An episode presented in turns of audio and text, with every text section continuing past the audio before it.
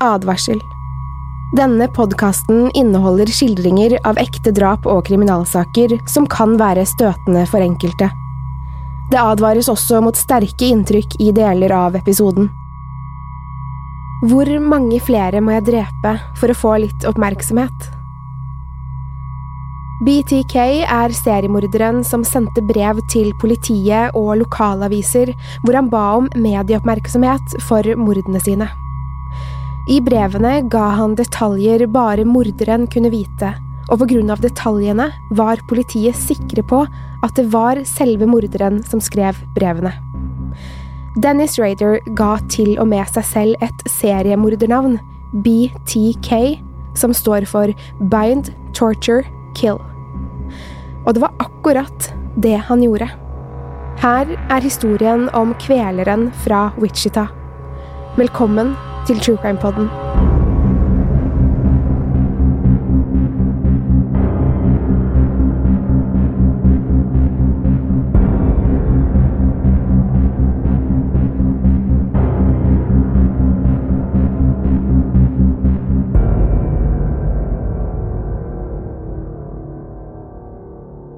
15. januar 1974, Wichita, Kansas.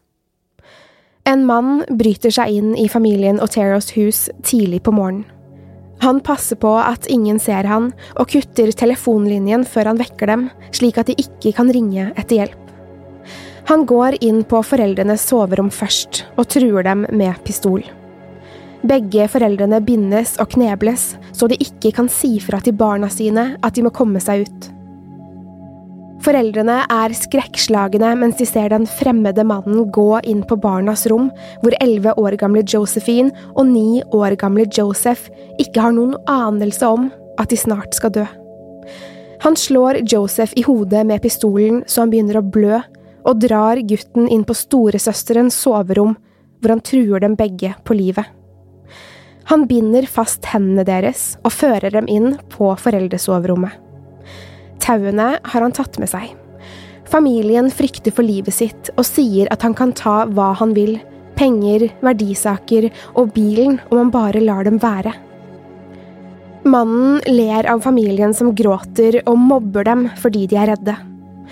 Plutselig kommer han på at han ikke har dekket til ansiktet sitt. Han kan bli identifisert. Derfor bestemmer han seg for å drepe dem alle sammen med en gang. Mannen henter en plastpose fra sekken sin og knyter den stramt rundt hodet på faren. Han bruker så en ledning rundt halsen og strammer til. Kona Julie og de to barna er tvunget til å se på mens mannen kveler han. Han gurgler, hikster og gisper desperat etter luft. Han kjemper imot, men når faren slutter å bevege seg, slipper mannen taket. Faren ligger livløs på gulvet med hendene ut til sidene. Han puster ikke. Mannen går bort til Julie og legger et av tauene rundt halsen hennes og drar til.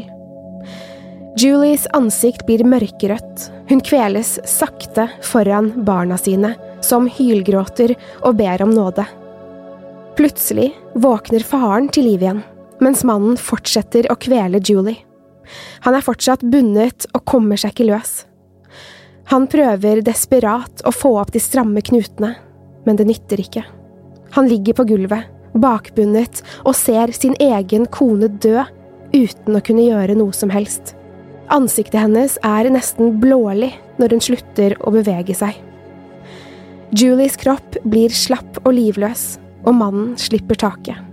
Han snur seg mot faren igjen og tar frem et nytt tau som han legger rundt halsen hans.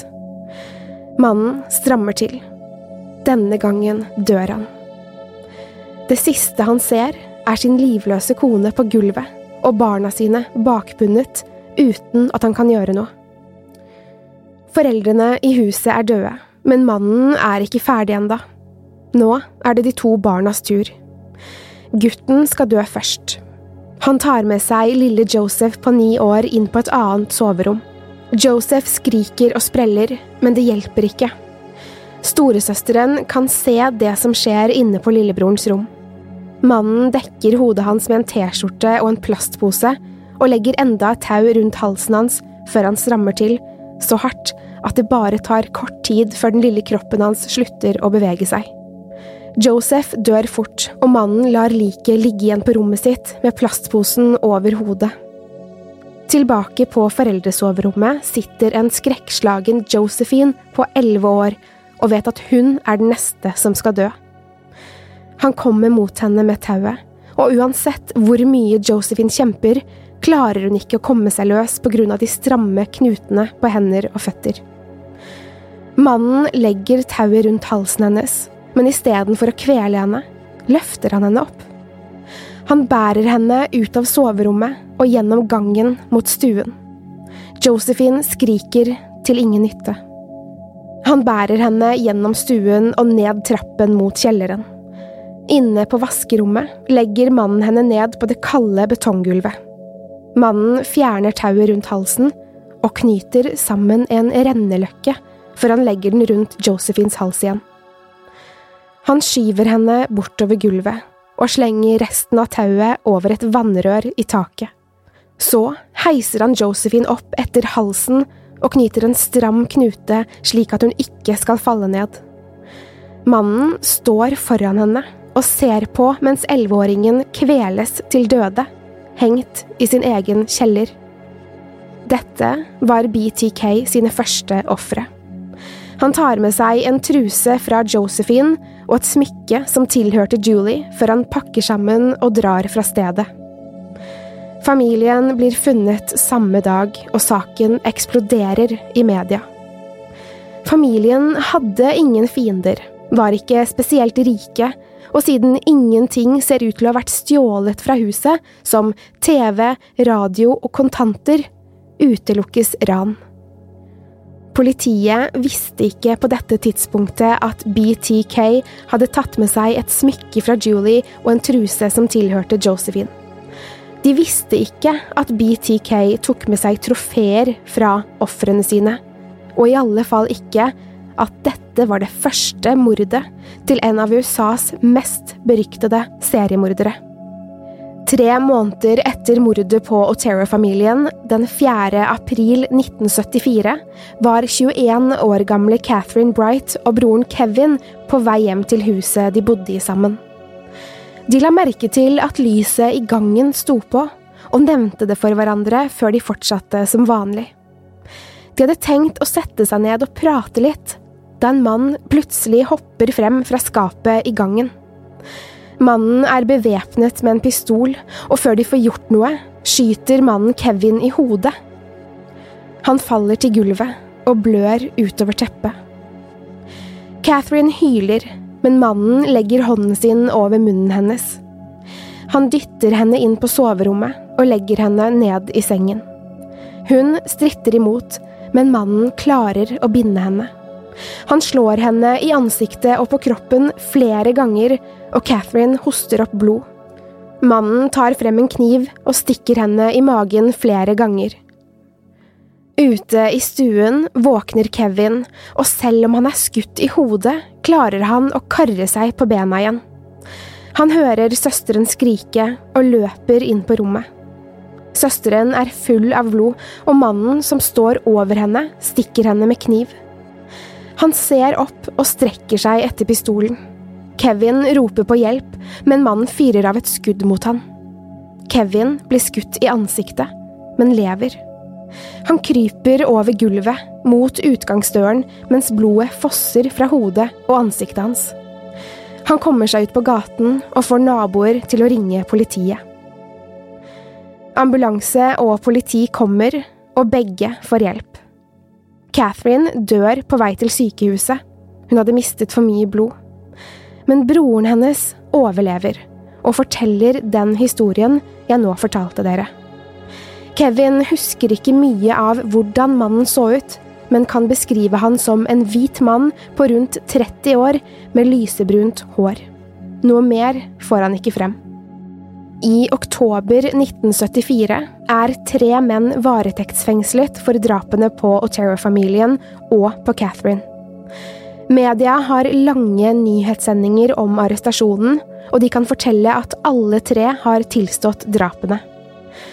En formiddag ringer en mann til redaktøren i The Wichita Eagle, lokalavisen, og sier at han må ta seg til biblioteket. Der skal det ligge et brev til han, som handler om drapene. Redaktøren gjør det eneste riktige. Han ringer politiet sporenstreks og ber de hente brevet. Politiet kan ikke tro sine egne øyne.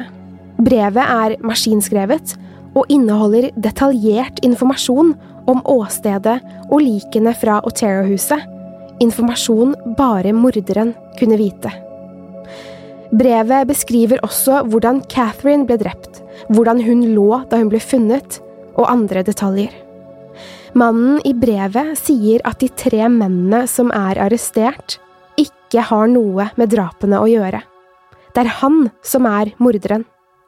Brevet er undertegnet med bokstavene BTK, som han forklarer står for Bind, Torture, Kill. Etter brevet blir det stille fra morderen. Ingen drap, ingen brev. Ikke før i 1977, tre år senere, hører de fra han. Ikke i form av et brev, men enda et lik. Trebarnsmoren Shirley Vian blir funnet i sengen sin, bundet på hender og føtter, full av slagskader og kvalt med tau. Hun er bundet, torturert og drept. De tre barna hennes på åtte, seks og fire år forteller at en mann hadde banket på døren og truet dem med pistol. Han hadde låst de tre barna inn på badet, og de hadde stått der inne mens de hørte morens skrik. På badet hadde det vært et lite vindu, og barna hadde klart å komme seg ut og varslet naboer som ringte politiet. De tre barna hadde måttet høre på mens mammaen deres ble torturert og drept. Ingen av barna kunne huske helt hvordan mannen så ut, annet enn en hvit mann på mammas alder. Politiet kjenner igjen åstedet og er sikre på at en seriemorder er på ferde. De velger likevel å ikke fortelle dette til media for å unngå å skape panikk. Politiet håper at BTK vil kontakte dem igjen hvis han ikke får noe oppmerksomhet, og de hadde rett. I desember 1977 ringer en mann til politiet og sier at en kvinne som heter Nancy Fox, er drept på en adresse i Wichita, i samme område som de andre drapene fant sted. Det mannen, som er BTK, ikke visste, er at politiet nettopp hadde tatt i bruk et nytt telefonsystem som lot dem se telefonnummeret mannen ringte fra. Samtalen kom fra en telefonkiosk i samme område, men selv om en politipatrulje er der bare to minutter senere, er mannen borte. De reiser til adressen mannen oppga, og der finner de 25 år gamle Nancy Fox liggende i sengen sin på magen. Hun er bundet på hender og føtter. Nancy er blå og svart over hele kroppen etter gjentatte slag. Hun er også kvalt til døde. Politiet har fortsatt ikke fortalt allmennheten om seriemorderen, men nå begynner det å bli på tide. Samtidig har lokalavisen The Wichita Eagle igjen fått et mystisk brev, men av en misforståelse har ikke brevet kommet frem til redaktøren. Det er ikke engang åpnet. Noen dager etter drapet på Nancy Fox kommer brevet frem til redaktøren, og han får frysninger når han ser hva det står. Shirley Locks, Shirley Locks, the next one is Fox. BTK. Han refererer både til drapet på Shirley Vian og drapet på Nancy Fox. Brevet var stemplet noen dager før Nancy ble drept. Han hadde gitt dem et forvarsel.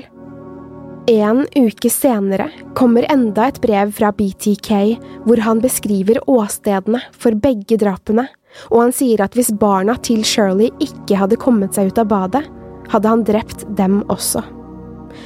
Nå kan ikke politiet vente lenger.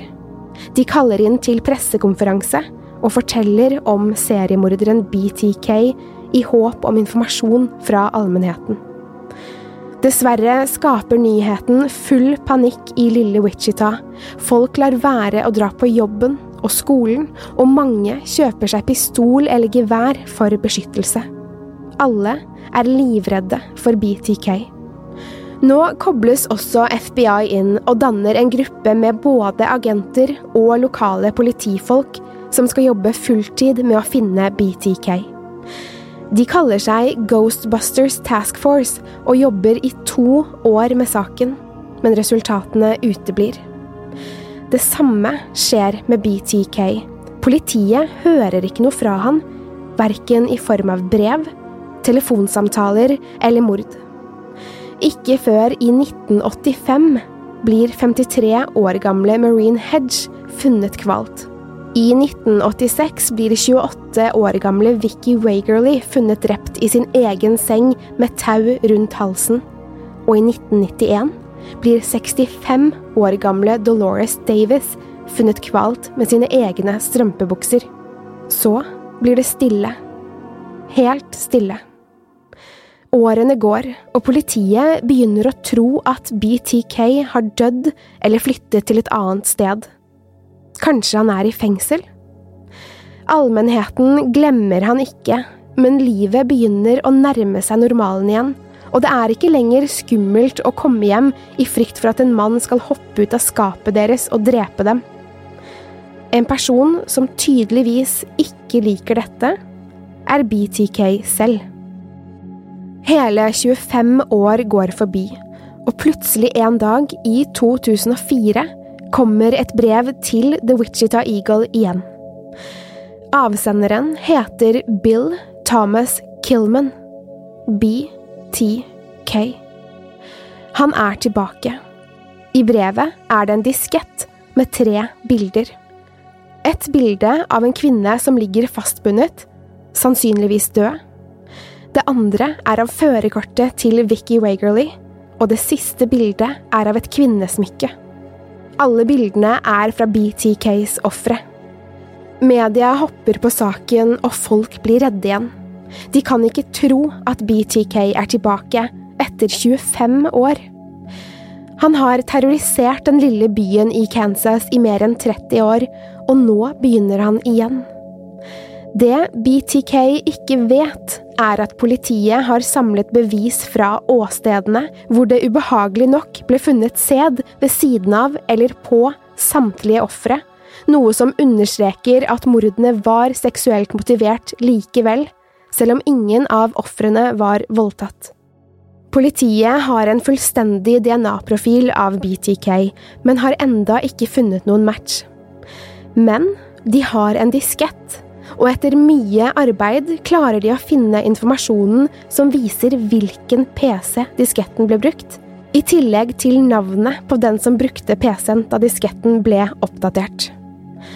PC-en er fra en kirke i sentrale Wichita, og navnet på mannen som brukte den. Dennis. Politiet leter først på nettsidene til kirken og finner en mann som heter Dennis, kirketjeneren Dennis Raider. Han er i passende alder og beskrivelse som BTK, og politiet undersøker mer. De finner ut at han er gift, bor i Wichita og har to voksne barn.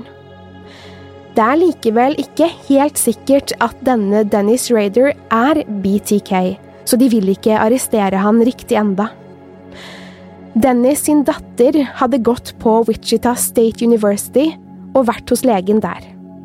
Hun hadde gjort noen undersøkelser, og til politiets store overraskelse er prøvene til datteren fortsatt lagret på universitetets legekontor. Med en rettsordre ber de universitetet sende prøvene til dem, i all hemmelighet. Etter en stund kommer resultatene tilbake. Datterens DNA matcher med DNA-et fra BTKs åsteder. Dennis Raider er BTK. Politiet arresterer Raider samme dag og forteller den intetanende familien hans at faren og ektemannen deres er Kansas verste seriemorder. Politiet kaller inn til pressekonferanse den 25. februar 2005 og forteller følelsesladet at BTK endelig er arrestert. Familien hans får sjokk og kona får en hasteskilsmisse fra mannen hun hadde vært gift med siden 1970. Ingen av dem hadde noen anelse om at Dennis var BTK, og hele familien bytter navn. Han nekter først for å være BTK, men datteren hans skriver et brev og ber han om å gjøre det eneste rette, ellers vil hun aldri snakke med han igjen. Dennis Raider tilstår, og siktes for ti mord. Han sier seg villig til å forklare alle drapene, mot å ikke få dødsstraff. Raider forklarer for åpen rett at han lenge hadde holdt familien Otero under oppsyn, og at han hadde seksuelle fantasier om moren Julie og datteren Josephine. Han planla egentlig å drepe faren Joseph og sønnen Joseph jr. først, slik at han kunne gjøre hva han ville med Julie og Josephine. Rettssaken sendes direkte på TV, og jeg var en av dem som satt oppe om natten og så hele forklaringen. Han forteller om drapene uten noen følelser, som om han forteller hva han skal ha til middag. Det virker ikke som han angrer noe særlig. Store deler av forklaringen kan sees på YouTube om du søker etter BTK Confession. Det er derfor jeg kan fortelle så inngående om flere av drapene, fordi BTK selv forklarte seg om dem. Dennis Raider dømmes til ti livstidsdommer, med mulighet for å søke om prøveløslatelse etter 175 år. Det vil si at han aldri kommer ut igjen, siden han var i 60-årene under rettssaken. På spørsmål om hvorfor han aldri voldtok noen av ofrene sine, svarer han at han var gift og ikke ville være utro mot kona. I dag er Dennis Raider 73 år og soner livstidsdommene sine i et høyrisikofengsel. Dennis Raiders datter Keri Rawson har skrevet en bok om hvordan det er å være datteren til en seriemorder. Den heter A Serial Killer's Daughter – My Story of Faith, Love and Overcoming. Har du sett TV-serien Mindhunter på Netflix? Da husker du kanskje en middelaldrende mann som installerer sikkerhetssystemer hjemme hos folk i sesong én? En mann med briller som virker litt mystisk. Det er BTK, og han er med i sesong to, som snart har premiere. Følg oss gjerne på Instagram.